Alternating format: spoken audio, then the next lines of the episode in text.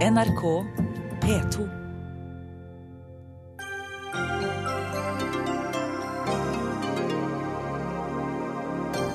Russland nekter å ta imot asylsøkerne fra Norge av sikkerhetshensyn. Hva betyr det? Har regjeringen kontroll på Storskog, og har utenriksministeren virkelig bedt oss snakke mindre stygt om Russland? De kvinnelige lederne for tre tenketanker har tid til å tenke, fordi de har vaskehjelp, hevdet Klassekampen. Bomskudd, lyder det fra en av tenketanklederne. Vi er langt fra så rike i Norge som vi trodde. Oljefondet kommer til å være borte om en generasjon, sier finansprofessor. Og for prisen av å kutte akuttkirurgi ved fem sykehus, kunne regjeringen i stedet kuttet fem av nesten 1000 byråkratstillinger i Helsedirektoratet, mener Norsk overlegeforening.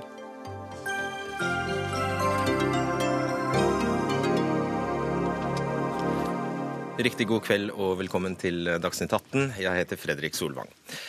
Jeg vi starter denne sendingen med det statsministeren i Politisk kvarter i morges omtalte som flyktningekrisen.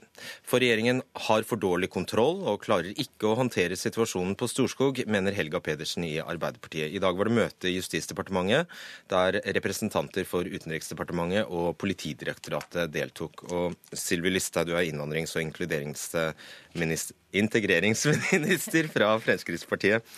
Eh, Politiet i Finnmark skal da ha reagert på at eh, informasjonsflyten om at Russland eller russiske myndigheter fredag kveld sa stopp i transporten av eh, avviste asylsøkere fra Norge over Storskog i Finnmark, ikke kom fram til dem. Hva er det som er avklart på dette møtet i dag?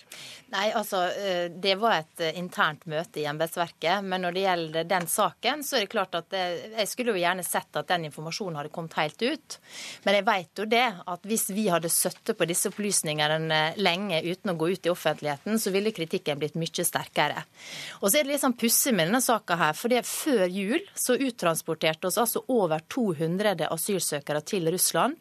Det gikk forholdsvis stille og rolig for seg seg. Planlegginga og alt var akkurat det samme som nå. Eh, den gangen var kritikken at de måtte sykle, derfor så skaffes busser. Etter nyttår har det vært et sirkus uten like. Og jeg registrerer at der oppe så har det vært en veldig stor gjeng av lokale aktivister, organisasjoner, det har vært eh, asyladvokater og media som har haussa dette her opp til å liksom være kaos. Jeg vil berømme politiet for den jobben de har gjort. De har stått midt i det med veldig mange som har sterke meninger om dette og gjort sitt beste. Og så er det altså slik at russiske myndigheter da ga oss beskjed om at de ønsker nå å ha en avklaring eller en, å snakke med oss videre om situasjonen. Det skal vi gjøre.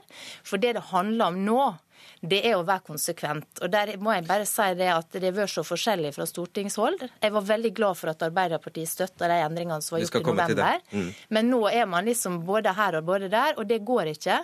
For det dette til syvende og sist handler om, det at vi ikke skal få svenske eller tyske tilstander i Norge, der vi har sett at det hele systemet er kollapsa. Ja. Nå er det liten tilstrømming, men utover våren så kommer det til å ta seg opp. Så her må man tenke langsiktig, og ikke fra dag til dag hva som er overskrifta i avisene. Helga Pedersen, du er innvandringspolitisk statsperson i Arbeiderpartiet og sier til VG i dag at regjeringen ikke har god nok kontroll med det som eh, skjer. Hva er det som mangler? For det første så vil jeg jo si at Flyktningsituasjonen er en krevende oppgave for Norge å håndtere. og Det er ingen tvil om at dette er en vanskelig oppgave for regjeringa. Det ville det vært for enhver regjering. Og Nettopp derfor var det Arbeiderpartiet var opptatt av å inngå de forlikene vi var med på i høst, for å legge til rette for at regjeringa kunne håndtere denne oppgaven på en best mulig måte. Og Nå er spørsmålet gjør de det på en best mulig måte. Det er vi i tvil om, ikke minst i lys av det som har skjedd den siste uka. Det er tre ting. Det begynte med at Sylvi Listhaug ikke kunne redegjøre for det faglige grunnlaget når hun har gitt Stortinget forsikringer om at regjeringa sin praksis er i tråd med folkeretten og de vilkårene Stortinget har sagt. Eh, for det andre så ser vi at eh, Regjeringa sliter med å få frem informasjon til de politifolkene som står i felt og skal gjøre en meget krevende jobb på vegne av oss alle. Og nå er det jo også skapt usikkerhet om hvilken enighet man egentlig har med eh, Russland, mens regjeringa hele tida har forsikra seg om at dialogen er veldig god. Og de her spørsmålene må regjeringa svare på. La oss ta det første først, Sylvi Listhaug. Altså dette med at du ikke har forsikret deg om at Russland er et trygt land. Har du gjort det, eller har du ikke gjort det? Her er det jo gjort selvfølgelig vurderinger ut ifra den informasjonen som er innhenta, både fra utenrikstjeneste, fra Landinfo, som er et organ i Norge uavhengig, som, som da er kommet med informasjon som det er tatt beslutninger på bakgrunn av. Man må huske på at når dette her ble gjort, så var det gjort fordi at det kom over 5000 mennesker over Storskog. Man ønska å sette en stopper for det. Det er man greid. Det er ikke kommet noen over siden 30.11. Den gangen så var mantraet fra Arbeiderpartiet for lite for seint. Så går det for fort og så er ja, dagen ja, Jo, men det er noe med ikke sant? Det Nei. er fra det ene til det andre, og det varierer fra dag til dag. For hvis det er så tydelig som du eh, sier nå Og det er litt uh, vanskelig å forholde seg til. Så de kildene du, og det er det mange har lurt på, hvilke kilder har du for å hevde at det er trygt i Russland? Da sier du nå at det er utenrikstjenesten og Landinfo. Det er de to kildene du har. Ja, og det er jo den informasjonen som er innhenta. Landinfo de innhenter en rekke, altså mange informasjonskilder som de da lager mm. Eh, sine eh, notat ut ifra. Og så er det en helhetsvurdering. Så har vi også sagt at det, det trenger ikke å være trygt for alle, men for de fleste. Og, og når det er konkrete holdepunkt, så må man ta hensyn til det. Og det er det jo de som sitter og behandler disse sakene, som selvfølgelig må gjøre. Men jeg må bare si Nei, det la, la meg stille spørsmålet til Helga Pedersen. Ta, ta, ta, tak i disse, for nå fikk du egentlig svaret på hvilke to kilder Sylvi Listhaug støtter seg til. Det er altså Landinfo og uh, Utenrikstjenesten. Og Landinfo ligger åpen for alle til å lese, også Arbeiderpartiet. Ja, det er helt riktig. La meg bare begynne med å si at vi står ved det vi var med på å vedta i høst. Og det er ingen som er uenig i at dem som ikke har rett til opphold i Norge, skal ut av landet. Eh, men Stortinget satte også vilkår om at det skal være trygt og i tråd med folkeretten. Og eh, Sylvi Listhaug er fortsatt helt på overskriftsnivå eh, når hun skal begrunne på hvilket grunnlag hun har gitt sine forsikringer. Og Derfor har vi stilt et skriftlig spørsmål, og vi forventer at hun svarer Stortinget på helt konkret hva har utenrikstjenesten sagt? Hva har de ulike delene av embetsverket sagt som gjør at hun kan si det hun sier? Og Da bør svaret fra utenrikstjenesten jo være at vi kan garantere at Russland ikke sende videre personer til et utrygt tredjeland, f.eks. Det bør være svaret fra utenrikstjenesten. Nei, altså Det er jo det vi har sett for de fleste, men så kan det jo være konkrete holdepunkter. Og Da har vi jo bl.a. en dom fra Oslo byfogdembete før jul. Der man viser den er ved behandla der, og så skal den opp i lagmannsretten. Men den var behandla der, og da viste man til at man ikke kjente til at noen var sendt ut siden juli 2004. Men så må jeg bare si Klart det er vanskelig. Enkeltsaker, enkeltskjebner, personer som har kanskje brukt alt de eide for å komme seg til Norge og få et bedre liv. Jeg skjønner at det er vanskelig, men samtidig er vi nødt til som politikere å greie å stå opp i dette her, hvis vi mener det at eh, asylinstituttet skal være for de som trenger beskyttelse. Ja, man skal ikke bryte folkeretten, det er vel ganske viktig. Ja, men ikke altså sånn de som ønsker et bedre økonomisk liv.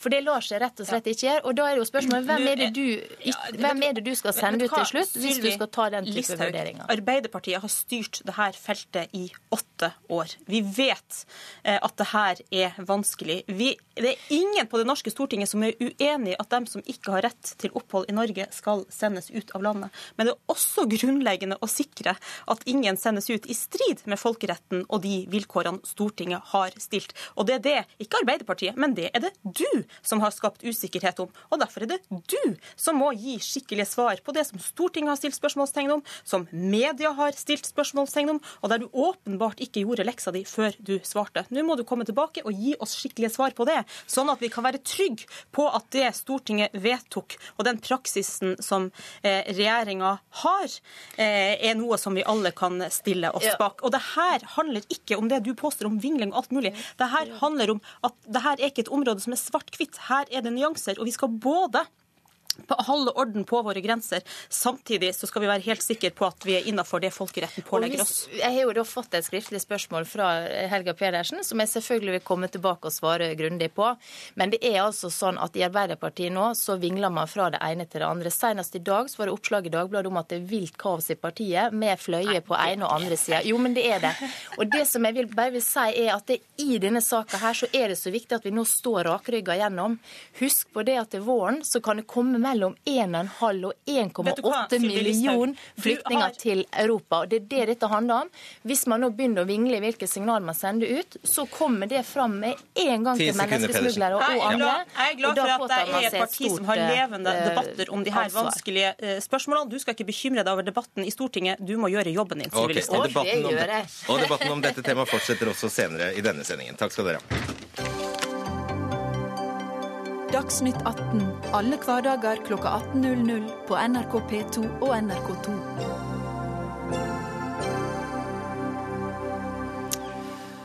For eh, tenker mens andre vasker. Ja, Det skrev eh, Klassekampen på forsida, forsida lørdag, med bilde av lederne i Norges store tenketanker, Kristin Clemet i Civita, Katrine Sandnes i Manifest Analyse og Marte Gerhardsen i Agenda. Og Avisa mener da disse tre kvinnene får tid til å tenke, nettopp fordi de har vaskehjelp. Bomskudd, sier Katrine Sandnes, og vil ha svar på hvorfor avisa ikke slår opp bilder av tre menn i lederstillinger i stedet. Men um, aller først, Mari Skurdal, du er redaktør i Klassekampen. Og hvorfor valgte dere å lage dette oppslaget på tre kvinner som verken har mest makt i samfunnet, eller uh, som tjener mest? Vi har jo skrevet om eh, renholdsbransjen opp og ned eh, og i mente i årevis. Jeg har vært der ti år som nyhetsleder selv. Og eh, vi hadde lyst denne gangen til å gjøre det litt personlig. Til å gå inn der hvor det verker litt, som er nettopp i de valgene vi tar hjemme. Litt sånn tabloid? Eh, litt tabloid, kan du si. Men også det som jeg føler at er litt vårt, mandat, det er å kunne ta tak i litt eh, Vi er jo en avis for den breie venstresida. Vi ønsker å eh, skrive om de tingene som er relevante. Og en ting som er relevant, er at akkurat dette spørsmålet med de utrolig dårlige forholdene i renholdsbransjen griper jo også hjem i hverdagen vår etter hvert, fordi veldig mange har vaskehjelp. Dvs. Si ikke så veldig mange, men i et visst lønnssjikt så begynner det å være én av tre når det kommer over en million. Så hvorfor kvinnene? Eh, egentlig så hadde vi jo mest lyst til å ha Katrine Sandnes og mannen hennes, Aslak Sira Myhre. Eh, litt av grunnen til det er at de er profilerte på venstresida. Vi visste også at de hadde vaskehjelp og hadde lyst til å snakke med dem om hvilke vilkår det var under. Det var sånn tipset begynte, eller? Det var det tipset ja, de ville De var et godt eksempel, liksom. De skriver jo mye om, eh, om rettferdighet, om anstendige arbeidsforhold, om ansettelser, om viktighet altså, Så du sier det er tilfeldig at det var tre damer som havnet på forsida her? Ja, så ville ikke de det. De har en greie på at det ikke skal være eh, paret skal ikke stille opp som par i avisa på den måten. sånn at da tenkte vi ja, ja, hvordan er det med de andre tenketanklederne? Eh, og for å være helt ærlig, så er de kvinner, da. Det er de. Det, men vi tenkte først og fremst på de som ledere av tenketankene. Eh, og kvinneperspektivet for min del her ligger jo i renholdsbransjen, som er eh, nesten dominert av eh, kvinner. Katrine Sandnes, leder i Manifest Analyse. Tror du på det hun sier? Altså jeg tror det er en, det er en grunn til at, uh, til at man, denne tanken kommer opp mye fortere når det er tre kvinnelige ledere enn det, enn det er når det er tre mannlige. Det er en grunn til at man aldri har tenkt tanken på å lage denne saken om Lysbakken, Moxnes og Jonas Gahr Støre, som også representerer tre, uh, tre eh, partier som, uh, som, er veldig opptatt av, av ulikhet. og så er det... Ja, Hva er den grunnen? Nei, det handler, det handler, om kjønn. Altså kjønn, kjønn og vasking. Det, når man snakker om husarbeid, så tenker man kvinner. Eh, og man tenker jo også, eh, også, som man gjør i denne saken, at det er kvinnene som får fri. Vi, vi får fri til å tenke, som er en helt absurd motsetning å sette opp mot det å vaske, som om folk som vasker, ikke tenker. Men, men vi kvinner får fri til å, tenke, eh, til å, tenke, fordi vi har vaskehjelp, mens man ikke på noe tidspunkt reflekterer over vent litt, kan det tenkes at også ektemennene våre får, eh, nyter godt av den hjelpen som, kommer, som vi kjøper oss hjemme. Så du mistenker egentlig at uh, Klassekampen spiller på veldig tradisjonelle og veldig gammeldagse forestillinger? Jeg tror ikke de har gjort det bevisst, og det er det, er det jeg syns er det interessante med det. Fordi Klassekampen er en, er en avis som både kan bedre og vil bedre. Ok, Vi skal introdusere tredje person her. Pia Presmo, du er Høyre-representant i bydelsutvalget Gamle Oslo. Eh, og du har hisset deg kraftig opp over dette innlegget. Hvorfor det? Det er flere, uh, flere ting som blir blanda sammen her. og Kjønnsaspektet er jeg fullstendig enig med Katrine i. Uh, men jeg syns også at det er på tide å begynne å behandle dem som jobber som renholdere, som, som eh, folk som utfører et ærlig stykke arbeid.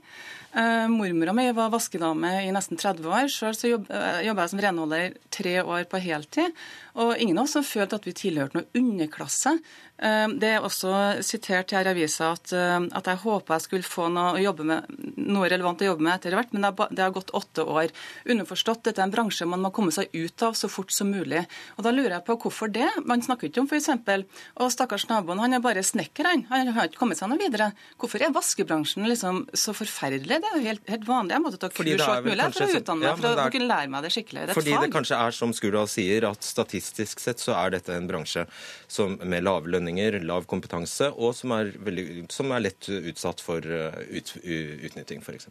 Ja, altså Hvis er altså kriminelle aspekter, altså lovbrytere denne artikkelen skulle ha dreid seg om, så må de jo intervjue folk som bryter loven, eller som er utsatt for det. Ikke tre uh, profilerte kvinner uh, som gjør en strålende jobb på hvert sitt område, som betaler hvitt til uh, renholdere som også tar seg hvitt betalt. Forklar i noen korte, enkle setninger hvilken debatt dere faktisk egentlig ønsket her. Vi ønsket å gjøre den debatten som handler om veldig dårlige forhold i eh, renholdsbransjen til en debatt som også gjaldt eh, person, det personlige valget. Eh, og da tenker jeg at det er ikke noe Alle kan ha vaskehjelp. altså ikke bare er det greit, de har også lov til å gjøre akkurat hva de vil med sin tid og sine penger. Men jeg syns det er et spørsmål hva betaler man denne vaskehjelpa? Eh, er, betaler man rett og slett for lav lønn? Og det mener jeg at disse eh, tenketanklederne gjør. Eh, det mener jeg på bakgrunn av tallene fra NHO Service, som sier at de skulle hatt høyere lønn hvis de skulle fått for sosiale utgifter, for alt det som hører med til arbeidslivet. Og da, og da gjelder det også et ja. poeng her, bare for å si ja. det, er jo at eh, eh, når de snakker om allmenngjort minstelønn i denne bransjen, så er jo det det absolutte minimum for å ikke drive lovstridig. Så jeg syns det blir litt rart når folk som tjener godt og har valgt seg denne tjenesten, sier at de da skal betale ja, det eller ja, noen kroner mer. Vi får høre med mm. primærkilden her, eh, Katrine Sandnes. Hvor mye betaler du? 250 kroner pluss moms. Det er jo ikke dårlig betalt. Eh, ifølge NHO Service så er da eh, tallet burde være i hvert fall 299, som tilsvarer 300 kroner, hvis det skal kunne ikke det, være underbetaling. Det tallet kommer opp med i dag. Så det, så det, er jo ikke et tall som har eksistert tidligere. Men, eh, men, men, jeg vil bare si at den debatten du sier at dere prøvde å reise, det er en kjempeviktig debatt. Og det, en, og det er en, debatt som dere har klart å ødelegge og avspore ved å prøve å være tabloide og morsomme. Det er ingen som snakker om klasse etter oppslaget deres. Alle snakker om kjønn. Og det er en veldig dum ting. Og dere prøver å, dere prøver å latterliggjøre både, både de som vasker, og de som faktisk betaler, gjør alt skikkelig. Vi følger alle alle lover og regler. Vi betaler langt over tariffen. Eh, og så, så gjør, gjør, dere dette til et, til et moralsk eh, ned... Eh, dere gjør dette til et spørsmål som, som, handler om menneskers moral. Dere fremstiller det som at mennesker med, med, vaskehjelp har lavere moral enn andre mennesker. Og da vil jeg bare si jeg betaler, betaler 250 kroner timen pluss moms. Jeg tjener 580 000 kroner i året. Jeg følger alle lover, alle regler. Jeg betaler 80 kroner over tariff. Jeg, hvordan jeg velger å disponere mine penger, det har ikke du noen ting med. Det er jo veldig vanlig at man kun snakker om når det kommer til privat vask av hjemmet, at man kun snakker om hvitt eller ikke. Og vi ville ha debatten på det litt vanskelige som går på OK, du betaler hvitt, men betaler du nok? Og når hun sier 250 kroner timen, så er det faktisk noe som da f.eks. NHO Service og fagbevegelsen mener kanskje ikke er det allikevel. Hun burde hatt 50 kroner til, f.eks. Og skal du da ligge helt på bånn? Skal vi ha et samfunn hvor alle skal liksom betale eh, ja, allmenngjort minstelønn? Hva har du, men som hun sier, hva har du med det å gjøre? Jeg, har, jeg, vil bare sitere, sitere, Erna Hagensen, som er leder i Arbeidsmannsforbundet. Hun sier i saken vår vi har alle ansvar for et anstendig arbeidsliv. Mm. Ja. Og, det, og da, jo, da, snakker Erna Hagensen på et strukturelt nivå. Mens det du, du, det du, velger å gjøre, du går rundt dette, og så gjør du det samme som høyresida gjør. Du individualiserer problemet og gjør dette til et spørsmål om hvert enkelt individ. Okay. Du er ansvarlig for miljøkrisa, for du resirkulerer ikke søppelet ditt. Det, jeg syns det er helt fint å, ja. å, ta det her på individnivå. F.eks. hun eller han som faktisk vasker. Eh, dersom, dersom dere ønsker å gjøre vaskehjelpa en tjeneste, så er det ikke ved å svare svartmale hele bransjen på en måte her, og, og, på en måte beskrive dem som medlemmer av en underklasse. Det syns jeg er så utrolig frekt. Og hvorfor kan man ikke være renholder et helt liv? Hvorfor må man på død og livs komme seg ut av det her? Veldig mange av mine venner har master i statsvitenskap. De har søkt på hundrevis av jobber som de ikke har fått, og jobber i dag i irrelevante jobber i forhold til utdanninga si. Da må de kanskje utdanne seg innen noe annet, da. Og hvorfor ikke som renholdsarbeider? Hvorfor er det liksom Det, det, det er veldig sånn ovenfra nedholdning til renholdsbransjen her, som er det grunnleggende prinsippet. Og Du kan vel i det minste skru når, når, når, du hører reaksjonene her, innrømme at uh, dere klarte ikke å oppnå hensikten her?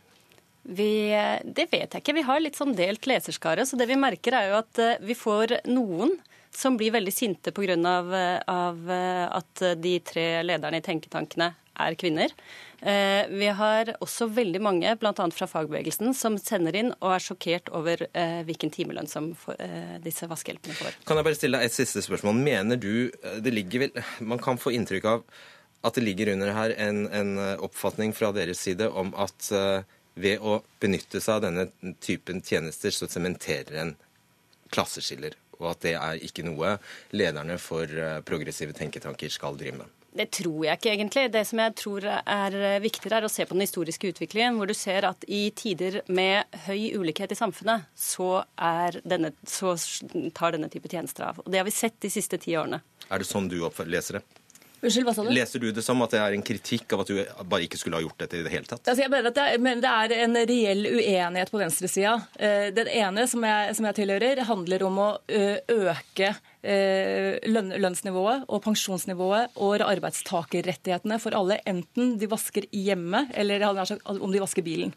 Eh, men andre, den andre posisjonen er jo de som mener at man nesten er sagt uansett hva vaskehjelpen hadde tjent, og nesten uansett hvilke lønns- og pensjonsvilkår eh, og arbeidstakerrettigheter vaskehjelpen hadde hatt, så er det likevel moralsk galt å vaske. Fordi man, som Kristin Halvorsen avfeide denne debatten med i 2008, fordi man ideelt sett bør vaske møkka si sjøl. Men det er det stadig færre i Norge som gjør. Eh, og da, eh, og da mener jeg at da er det et felles ansvar. Det felles ansvaret det ligger i å jobbe for bedre arbeidsvilkår. Nesten evig debatt, dette. Takk skal dere ha, Mari Skurdal, Katrine Sandnes og Pia Fresmo.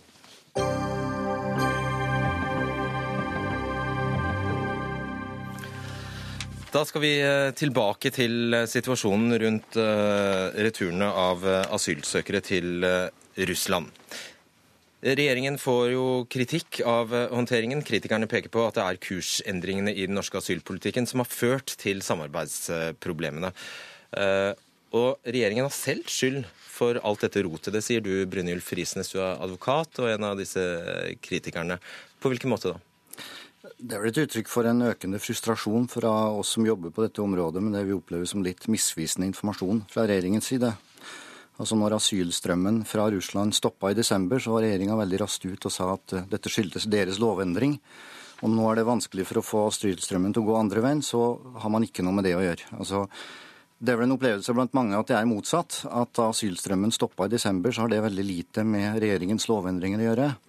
Men når asylstrømmen nå ikke går andre veien, så har det veldig mye med det opplegget regjeringen har lagt for eh, Si, behandlingen av disse sakene. Ja, og Som kjenner av Russland, og som eh, med god innsikt i hvordan russerne tenker på bl.a. dette området, hva vil du mistenke er årsaken her? Så Vi har jo en veldig lang og etablert praksis med transport av mennesker for å si det på den måten, fra Norge til Russland og hatt et veldig godt og tett samarbeid med russiske myndigheter over lang tid. Og Dette bygger jo på en avtale, og russerne har alltid vært veldig lojale, effektive til å sørge for uttransport av de som Norge vil ha uttransportert. Og Man har også tatt store mengder før. altså Det har vært eh, charterfly fra Gardermoen til Moskva. Eh, og i perioder så har det jo vært eh, tilnærma ukontrollert tilstrømning, i hvert fall har det blitt beskrevet sånn når det har skjedd, med asylsøkere fra Russland tidligere òg, bare at det har ikke kommet over Storskog. Og det står jo i denne avtalen at dette i utgangspunktet skal skje med fly, altså fra Norge til Moskva. Og det er jo måten man alltid har gjort det på før. Sånn at det å begynne å ha vel, veldig mye transport av mennesker over Storskog er jo noe helt nytt. Og vi vet jo tradisjonelt at Murmansk er et område som er følsomt sett med russiske øyne. Sånn at uh, her var det nok uh, grunn til å, til å skal si, være forsiktig og, og, anta at dette kanskje ikke var så lett. Så du tror det russerne har reagert på, er rett og slett at Norge har begynt å busse dem over og lempe dem av uh, rett over grensa? At, at, de ikke flyr dem til Moskva? Det tror jeg har nokså mye med saken å gjøre, ja.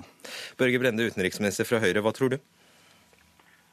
Um, Risnes-advokaten sa jo sjøl nå at man aldri har uh, sett den type uh, migrasjon over Storskog, og det som er riktig. Vi opplevde jo i løpet av noen få uker i høst at det kom over 5000 asylsøkere, og hoveddelen av de hadde ikke krav på opphold i Norge. Det har vi aldri opplevd tidligere.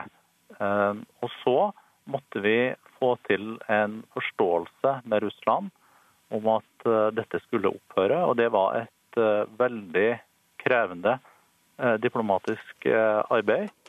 Og mm, vi har jo sett at de siste to månedene så har det nesten ikke kommet asylsøkere over Storskog. Og Det var den store saken. Jeg syns man må koste på seg det først å si at jo, er, ja. den dialogen, og som var det vanskeligste spørsmålet vi har hatt i forholdet til vår nabo i øst på mange tiår, det har vi løst. Men det hjelper jo ganske lite når det har gått helt i stå nå, da, Brenne? Har det gått i stå? Altså, siden har det ikke det? Desember, nei, siden desember så har vi returnert over 200 asylsøkere over Storskog. Og så fikk vi en henvendelse fra russiske myndigheter på fredag som sa at de nå ikke ønsker flere returer over Storskog. Og nå ser jeg jo på nettet nå at den russiske ambassaden i Oslo har slått fast at de returene av de som vi er enige om at kan returneres, eh, skal jo kunne fortsette, men vi må ha en dialog eh, om hvordan det skal gjøres. Og Den dialogen har også vært eh, i Moskva i dag. Så vi håper jo selvsagt at vi kan gjenoppta returene av de som vi er enige om at skal returneres. Men så er det jo et faktum at vi er ikke enige om alle returene. Russland mener jo at de med engangsvisum ikke kan returneres. Så det er jo en også en, en, en krevende situasjon. Men det, ja, men, men det er, bare for, klar, bare for, å ha klarlagt det, det er, det, det er ingen som blir returnert til Russland nå? Det må vi uh, finne en løsning på gjennom enten uh, å kunne fortsette å returnere noen over Storskog, eller uh, vi kan finne andre løsninger som ja. Å fly ut. Ja. Men det må jo ikke fremstilles. altså Det brukes så store Eh, bokstaver, og det tilføres så mye dramatikk. Det er jo ikke dramatisk at eh, det med noen eh, ukers opphold nå ikke får returnert Det er jo dere som hele tiden sier at det haster, så vi tar dere jo bare på ordet. Det som hasta, og som har vært viktig for oss som Norge, var å finne en løsning på en situasjon som ikke kunne fortsette. Med at det var tusenvis uten grunnlag for opphold i Norge som kom over grensa. Det er nå snakk om eh, å returnere en 300-400 asylsøkere som eh, vi er enige om at kan returneres.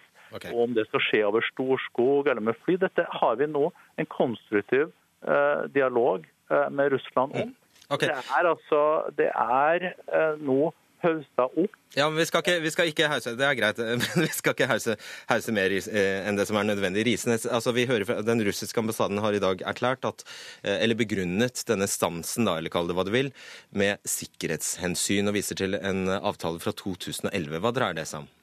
Ja, det er, en, det er en særavtale for uh, grensestasjonen på Storskog, hvor Russland har en særhjemmel for å Eh, begrense eller stoppe bevegelsene eh, over Storskog pga. sikkerhetsmessige hensyn. Og hva, Sikkerhet for hvem?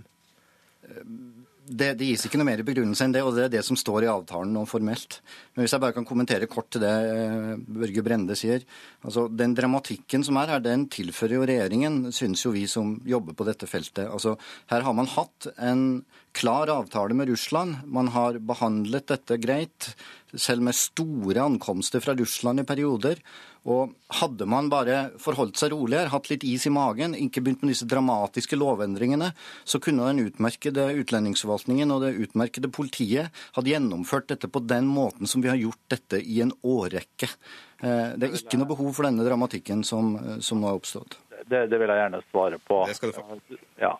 Uh, ingen som fulgte den utviklinga over Storskog med over 5000 som kom, eh, vil si at det eh, var udramatisk. Vi så jo bildene fra Kirkenes et samfunn som nesten ikke har flere innbyggere enn som kom over grensa. Jo, men Brende, Forhold deg til det han sier. Han sier ja. at det er, det er eh, måten dere har gjort det på, denne hastebehandlingen av eh, en lov som gjør at russerne kan ha reagert slik. Jeg, jeg har respekt for en advokat som eh, representerer disse asylsøkerne som nå i debatten sier at det var ikke nødvendig å gjøre det vi gjorde. Vi hadde uansett kunnet ha fått slutt på den eh, flyktningtilstrømninga.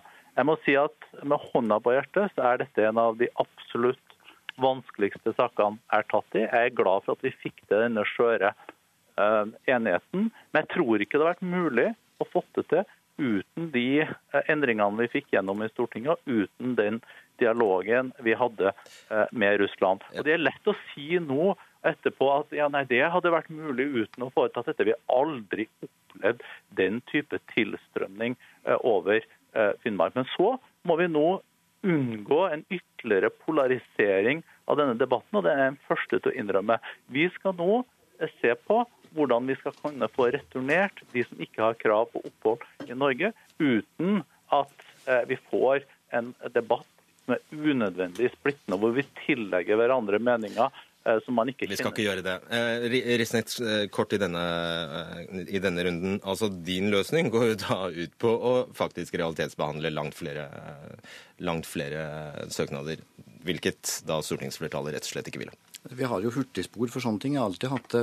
Mange av de som har ugrunna søknader, ville ha vært ute for lenge siden hvis man hadde brukt de gamle reglene. Ok.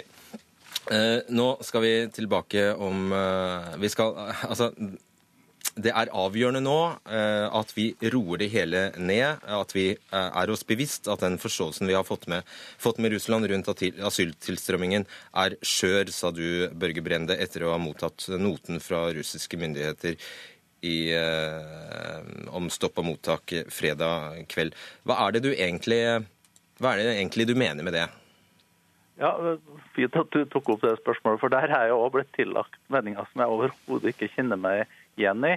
Eh, det har jo blitt utlagt slik at jeg mener at det er eh, debatten i Norge ført, anført av advokater og sivile samfunn som har ført til at vi nå ikke fikk sendt Eh, asylsøkere tilbake over Storskog. Eh, det har jeg aldri ment, men jeg mener jo at vi har fått en veldig polarisert eh, diskusjon, og at vi må nå dempe dette. Det som jeg gjerne vil understreke, er jo at hvis det nå skapes, og det er blant politikere, skapes uklarhet i vår vilje til å returnere, i vår vilje til nå å være krystallklar i flyktning- og asylsøkerpolitikken vår, så kan det selvsagt skapes Eh, igjen eh, usikkerhet, og det kan eh, føre til at f.eks. problemstillinga rundt Storskog blusse opp igjen. Ok. Jon Peder Egnes, generalsekretær i Amnesty International Norge. Skjønte du hva Brende sa? Ja, altså Brende har jo hva skal jeg si, han har jo, jeg vet ikke om han har endret noe, eller om det er VG som har endret det han sa opprinnelig. Men det var jo mange av oss, ikke bare jeg, som tolket det som sto opprinnelig som et varsko til oss som var kritiske til det som skjedde rundt Storskog, om at nå måtte vi eh, roe oss ned for at vi ikke skulle på en måte ødelegge for utsendelsene. Eh, det var jo egentlig vanskelig å tro at, at, hvis Brende hadde ment dette, han hadde trodd på det selv. For han, han, vet jo veldig godt at han verken stopper munnen på advokater eller, eller sivilsamfunnsfolk i å si at uh, ting dere ikke ønsker, dere ødelegger for ting dere faktisk ikke ønsker skal skje. Men, men uh, det var i hvert fall veldig åpenbart at slik jeg tolket det, slik enkelte advokater som har skrevet kronikker tolket det, så, så fikk vi beskjed om at nå måtte vi passe på at vi ikke ødela for avtalen mellom Norge ja, og Russland. Så hevder han at det er ikke det han nei, har ment, nei. han vil bare at konfliktnivået skal noe ja, ned. Men, men det som er det avgjørende her eh, når det gjelder konfliktnivået, det er jo frykten for at de menneskene som sendes ut, ikke får den behandlingen som både Listhaug og Brende hevder at de får. Og nå har vi jo fått noen eksempler. Brynjulf Risnes her har jo klienter som åpenbart har fått visum på falskt grunnlag. En familie med forretningsvisum til Russland f.eks. Og vi har nå ganske sikkert kunnet avdekke en jemenitt som ble var i den første, denne 13-personersgruppen som ble kjørt over tidligere, som allerede har fått en dom og en bot i Russland og har fått ti dager på å komme ut av landet. Sånn at dramatikken i denne situasjonen kommer jo egentlig på bakgrunn av hvordan myndighetene har hastebehandlet disse sakene og sender folk ut som kanskje blir sendt tilbake til land som Norge har sluttet å sende folk tilbake til. Brende, svar på det. Kan du nå en gang for alle avlyse denne debatten om at returene er i, eh, om returene er i tråd med folkeretten i det hele tatt? Kan jeg få lov til å bare si to ord om det første, som jeg syns var veldig oppklarende? Eh, det som er knytta til eh, Ja, Hvis du holder deg til to ord, så. Ja, ja, ja, men det jeg hadde kommentert altså, Det har jo aldri vært i min tanke å prøve å stoppe noe advokater eller sivile samfunn for å både si hva de mener, og bidra til en samfunnsdebatt. rundt det. Så det, det, er jo greit å nå få fastslått. Så egentlig så forstår jeg ikke hvordan det der har oppstått, men nå har vi iallfall fått slått fast det. Når det gjelder disse returene, så er det slik at vi nå har definert Russland som et trygt tredjeland. Altså, det vil si at uh, i hovedsak så kan asylsøkere som kommer fra Russland til Norge Uansett hvor lenge de har vært her? Altså, de kan sendes uh, tilbake. Uh, men det er ikke noe tvil om at hvis du står i fare for å bli sendt ut av Russland til et land, og i din situasjon så står du i fare for å bli utsatt for umenneskelig behandling eller tortur, Eh, så er det en annen sak. Hvordan skal du få sjekket det? Ja, dette har vi jo eh, prosesser for eh, gjennom vår, uten, vår forvaltning. Skal forvaltningen i Norge sitte her og sjekke om asylsøkere blir sendt videre fra et eller annet sted i Russland til et eller annet land? Vi behandler jo tusenvis av med den type saker i året. Vi er jo faktisk sånn mange som eh, kommer til Norge som eh, asylsøker, ikke får opphold. Og det er jo etter en eh, vurdering Ja, Men de får søknaden behandlet? Men når vi har definert Russland som et trygt tredjeland, så er jo situasjonen annerledes. Og, med, og, og, og det føler jeg meg trygg på. At både var riktig men, men Brende, når vi nå har et bevis for at en mann som det var funnet var eh, greit å sende tilbake til Russland, en mann fra Jemen, selv om visumet hans gikk ut den dagen han ble sendt ut, har blitt plukket opp av politiet, har blitt idømt en bot og har fått beskjed om at hvis han ikke selv har kommet seg ut av Russland i løpet av ti dager, så vil han bli internert og sendt ut til Jemen.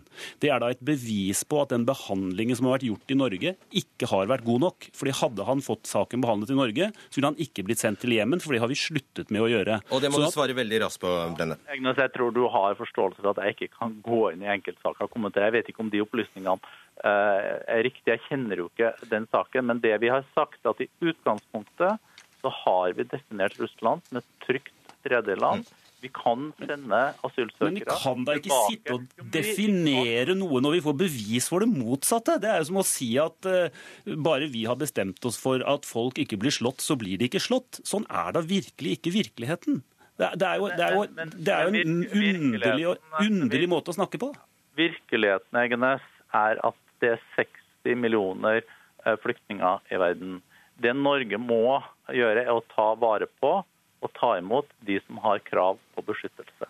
I en situasjon hvor det kom tusenvis av asylsøkere fra Russland, og de i hovedsak ikke har grunn, eller ikke har noe grunnlag for beskyttelse i Norge, så må vi håndtere dette. Og Da har vi eh, definert Russland som et trygt eh, tredjeland. Det har vi også ja, Selv om vi langt på vei vet at det ikke er det. Ja, og det Stortinget jo selvfølgelig, det hersker jo ingen tvil om at hele hensikten, slik Anders Anundsen sa, med denne loven, selvfølgelig var å eh, stanse bruken av eh, Russland som fluktrute til Norge. Det var hensikten med både loven og med, med instruksen. Takk skal dere ha, dere tre. Børge Brende, Jon Peger Egenes og Brynjulf Risnes.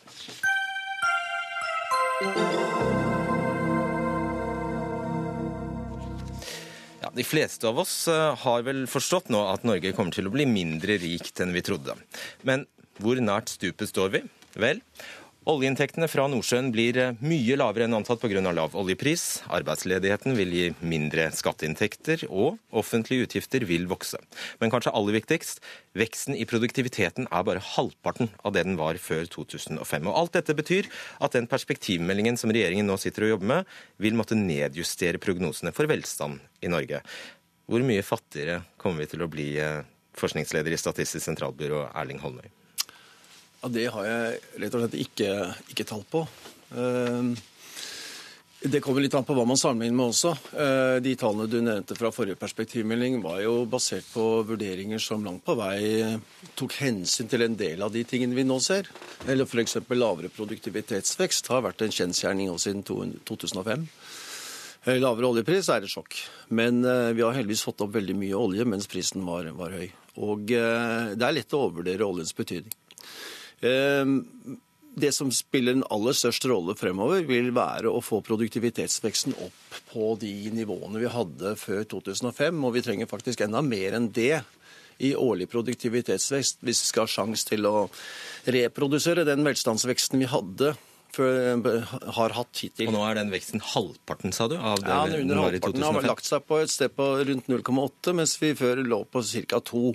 Varierte selvfølgelig fra år til år, men i snitt på ca. to. Men vi skal ikke glemme at uh, veksten fra etterkrigsårene og frem til ca. 1973, så var den ca. 5 Slik at uh, i takt med at Norge har blitt rikere, så har veksten gått langsommere. Fordi vi blir latere, eller? Nei, det er vanskeligere kanskje og Ja, det er ganske sikkert vanskeligere å eh, få til høy produktivitetsvekst når du allerede er blitt så flink eh, som man er. Altså, Etter krigen så var det mange vesteuropeiske land som kunne se til USA og lære av beste praksis på en veldig rask måte. Og man husker på at om en gjenreisningsperiode så vet man mye mer om hva man skal gjøre. Hvor nært dette knekkpunktet er vi nå, der statens inntekter og avkastningen fra oljefondet passerer de offentlige utgiftene? Ja, altså, Nei, unnskyld, omvendt. det er jo sånn at Det kommer nettopp på hva slags utgiftsvekst vi legger oss på. Men hvis vi liksom viderefører den standarden vi har på offentlig velferd i dag, og holder oss til dagens pensjonsregler og trygderegler osv., og, så videre, og bruken av disse reglene, så er det vel sånn at øh, øh, da kan vi for så vidt tillate oss skattelettelser frem til ca. et sted mellom 2020 og 2025 fortsatt. Men deretter så er det slik at utgiftene på offentlige budsjetter stiger raskere enn eh, skattegrunnlagene hvert eneste år. Også når vi tar hensyn til det vi får fra oljefondet. Hva betyr det egentlig? Hva det betyr? Eh, det betyr at veksten i de utgiftene vi skal ut med til pensjoner, til eh, helse- og omsorgsutgifter, til forsvar, utvisning, alt det som det offentlige tar seg av i stat og kommuner, Hvert eneste år så vil det øke raskere enn de skattekronene som det offentlige tar inn fra folk flest og fra bedrifter. Og, og, det vi får lov til å ta ut fra oljefondet hvis vi holder oss til handlingsregelen. Bare gi et bilde på det. Altså hvor, hvis, hvis, man tar for seg en sektor som sykehusene, da, eh, der har veksten stått nær sagt stille på 2000-tallet. Men hvis man bare skal fortsette det eh, i årene framover, hvor, hvor mye må skattene øke i dag? Ja, her er det veldig mange tall ute og går. Men uh, altså, hvis vi, hvis vi, altså sykehusene er, er ett eksempel. Uh, det har stått stille hvis du kontrollerer for demografi siden ca. 2004. Og det er et uh, litt Det er et brudd på, på, på, det som vi har bak oss.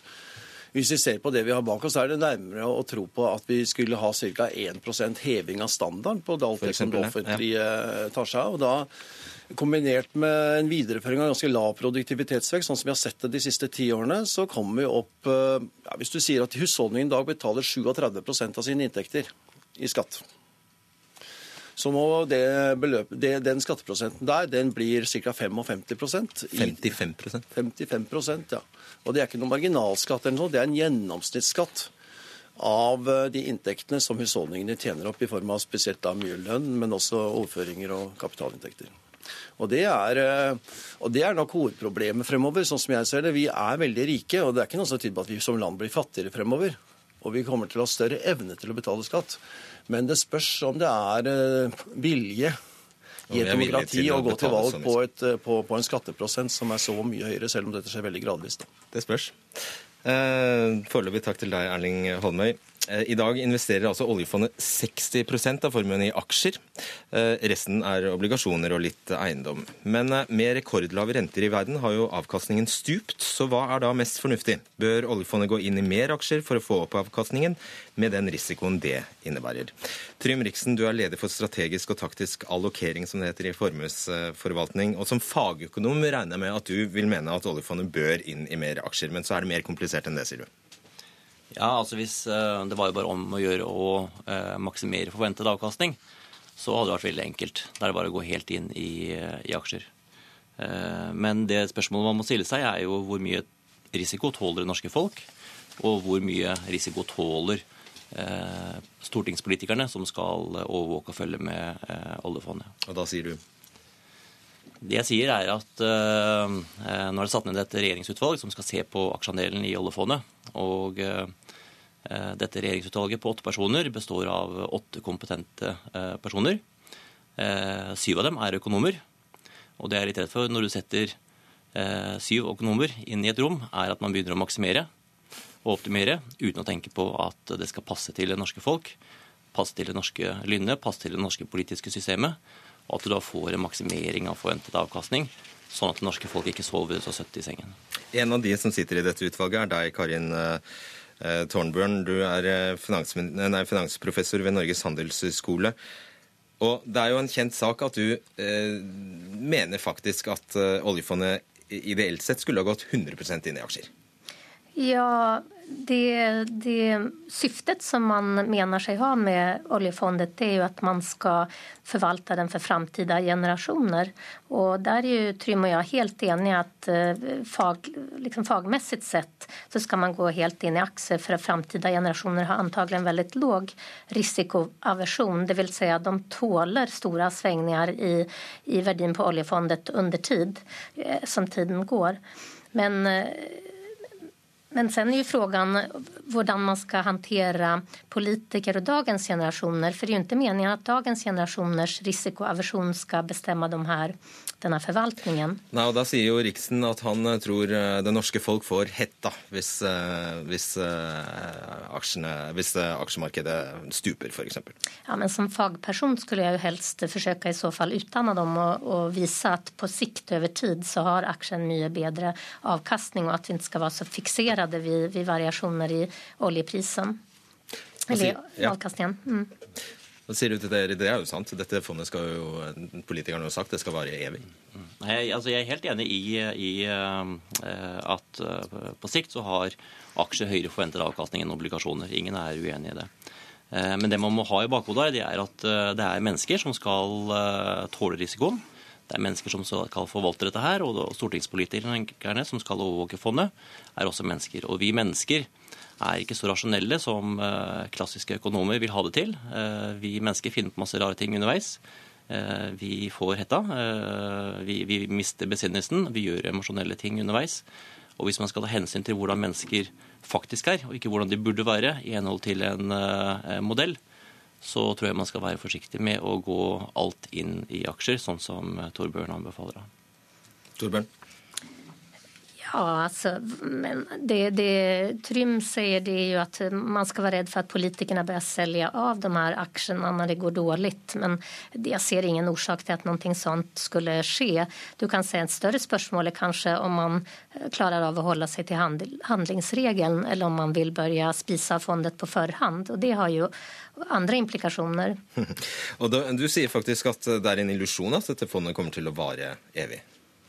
Ja, men självklart. Det, om den är en fantastisk fond och en fantastisk före nu så är det helt klart att norsk ekonomi måste restruktureras vid någon tidpunkt. Och det fondet kan göra det är att hjälpa oss att inte göra den restruktureringen så väldigt dramatisk eh, så den kan buffra grann. Men restruktureringen den kommer förr eller senere. Hvor lenge tror du det varer? Ja, vi hørte jo tidligere at eh, fram tio, tio, år ut i tid så måste man antingen bestemme seg for at man skal restrukturere eller spise mer av fondet. Ti år? Ja. Så fondet varer en generasjon og ikke det engang? Eh, nei, nei, nei. Ikke det at fondet tar slutt. Um, Nei, det skjønner jeg, men man begynner å spise av fondet? Ja, men altså, Det beror på hvor mye altså, Fondet er jo i dag ca. 1,5 million per innvånere per innbyggere. Mm. Og det er klart at eh, om man ikke har noen annen produktivitet, så varer ikke det lenge. Inget menneske kan leve veldig lenge på halvannen million. Så, så det viktigste kapitalen i Norge, det er jo det samfunnet som vi har bygd. Det er jo at vi har institusjoner som fungerer, at vi har tillit til hverandre, at vi har en samfunn uten korrupsjon. Og det er jo det som vi må bygge nye næringer som kan forsørge landet. Riksen, hva er det verste som eh, kan skje? Jeg tror det verste som kan skje, er at uh, oljefondet går inn i den klassiske fellen. Uh, selv om det styres på lang sikt, som privatpersoner går i. Dvs. Si at uh, du etter en lang tid med oppgang i aksjemarkedene, så bestemmer du seg for at aksjer er trygt. Så jeg dobler. jeg går mer inn i aksjer. Det gjorde vi i 2007, etter mange år med oppgang. og nå vi, har vi lagt en ny periode med oppgang bak oss, nå i 2016. Og nå diskuterer altså folk om vi skal øke risikoen på ny. Og det er egentlig et klassisk eh, signal som du ser hos privatpersoner, at man øker risikoen etter en lang periode med eh, gode aksjemarkeder. Og så kraker det. Og det du ofte ser, er at eh, det funker en stund, men plutselig så går det ikke lenger. Og når det da ikke går lenger, og at det oppfattes veldig usikkert, så bestemmer man seg for å endre alt sammen, endre strategien fullstendig, og så kan det hele forvitre. Torbjørn, ser du den faren at det hele kan forvitre hvis, hvis man legger ut på en sånn ferd? Ja, men der tror jeg Trym er mye mer pessimistisk enn hva jeg er. Det er klart at folk ikke liker å se at formuen går ned, men om man holder, om man holder fast tanken på at den er på lang sikt, så vet vi alle at på lang sikt så avkaster aksjer bedre. Vitsen er ikke å selge når det går ned og kjøpe når det går opp. Vitsen er å ligge i aksjer hele tiden. Til slutt, Holme, jeg har bare lyst til å spørre deg. De fleste av oss har vel kanskje levd, levd i den tro at dette oljefondet skulle være der, for det skulle være min og din eh, pensjon, men det hører vi altså at det er ikke gitt. Jo, men den kan bli min, din og min pensjon, tenker jeg, men den, den rekker ikke til alt i fremtiden. Til alle i fremtiden. Nei. Holme, vil du svare på det? Nei, jeg, er, jeg, var veldig enig den gangen man døpte om uh, oljefondet fra petroleumsfondet til pensjonsfondet, fordi det ga et, for befolkningen spareformål. Altså at man fikk, ble motivert til å spare til noe. Og pensjoner var det som den gangen pekte seg ut som den store enkeltsummen som eh, skulle ha et navn. Men det har aldri vært sånn at dette skulle gå opp i opp med pensjonsutgiftene. Så, så, Vi har ikke noe pensjonsfond på den måten vi, sånn som svenskene innførte etter sin pensjonsreform i 94. Men det bidrar jo ganske mye til å dekke offentlige utgifter fremover. Men uh, men, men holde, avkastningen der vil ikke holde tritt med utgiftsveksten, sånn som vi ser det nå. Jeg tror kanskje mange fikk seg en Hvis de som fulgte med nå, har lærte kanskje noe. Takk skal dere ha. Erling Holmøy, Trym Riksen og eh, Karin Tvorbøl.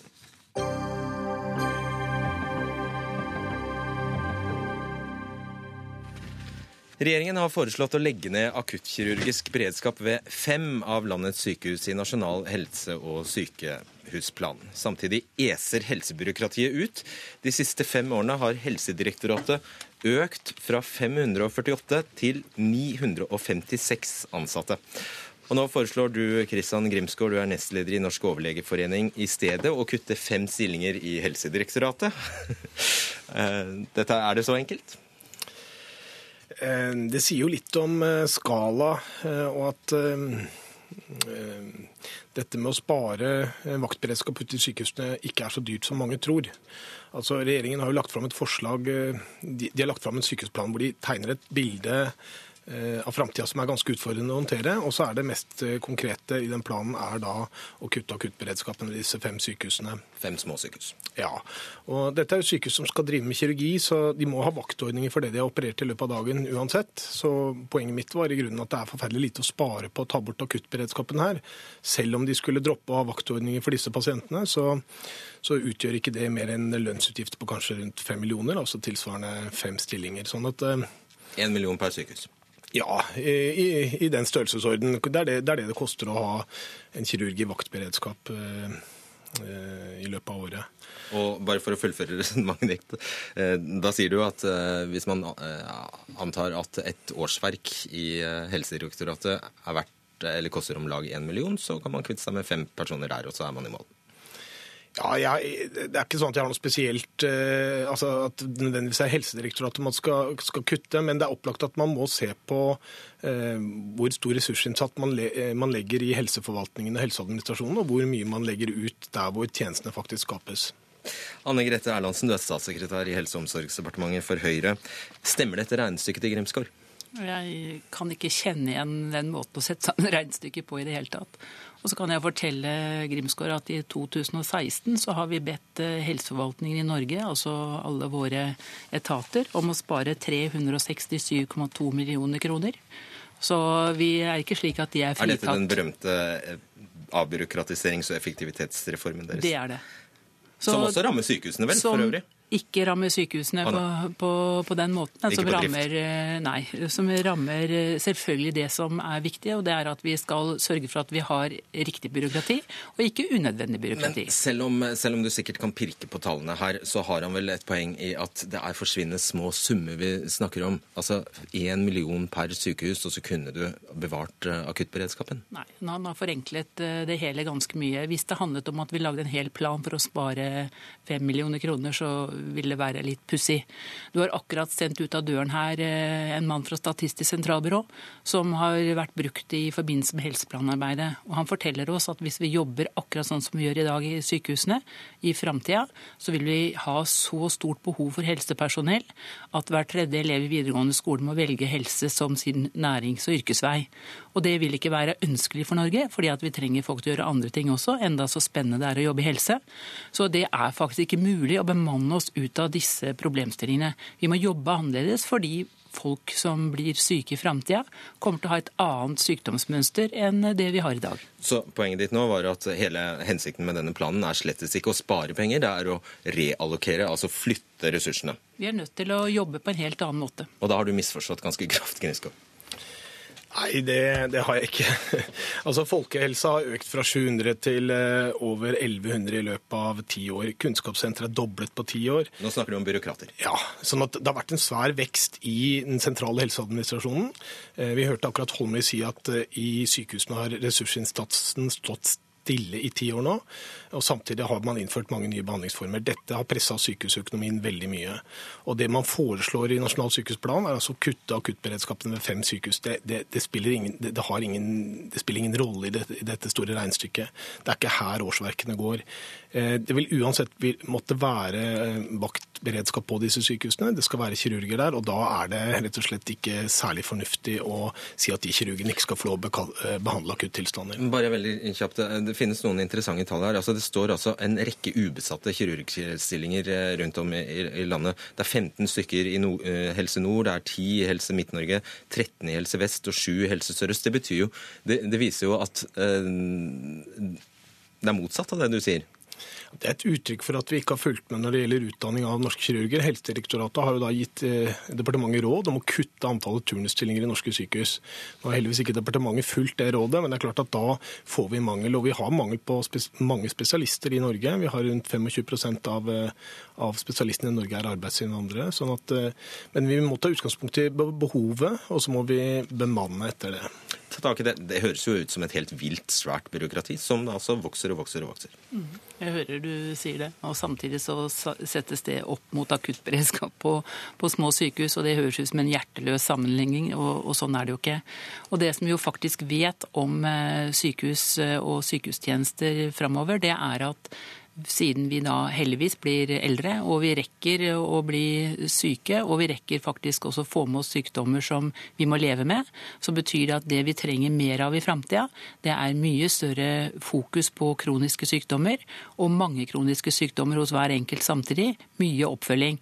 Og det er altså ikke sånn at det er de store ulykkene lenger som er det store bildet på hvordan, eh, hvordan vi har det, heldigvis. Men en konsekvens av dette er at folk i Lofoten må altså kjøre tre og en halv time til nærmeste akuttilbud. Ja, nå får vi se hvordan dette resultatet blir. Og så er det også viktig å si at en kirurg er ikke kirurg. Kristian eh, Grimsgaard her er så vidt jeg vet ortoped. Eh, og han skal ikke slippe til i magen på folk. Det er det kirurger som gjør. Og hvis du skal ha full beredskap på den operasjonssiden på alle sykehus, så skal du ha både en gynekolog og en kirurg og en ortoped samtidig på alle sykehus i Norge, og det kan vi ikke fortsette med. Og dermed blir prislappen langt mer enn én million, som du påstår? Nei, det, det, det, er heller ikke helt riktig. Altså, vi, vi, er veldig opptatt av at sykehusene skal være i stand til å håndtere ulike tilstander. og Da må vi ha bløtdelskirurger. Det er de som må være på plass.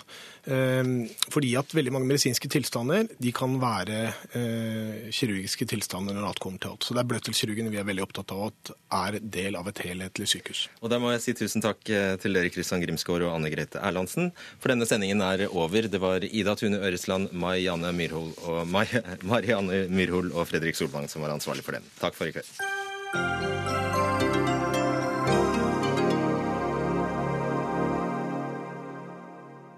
Hør flere podkaster på nrk.no podkast.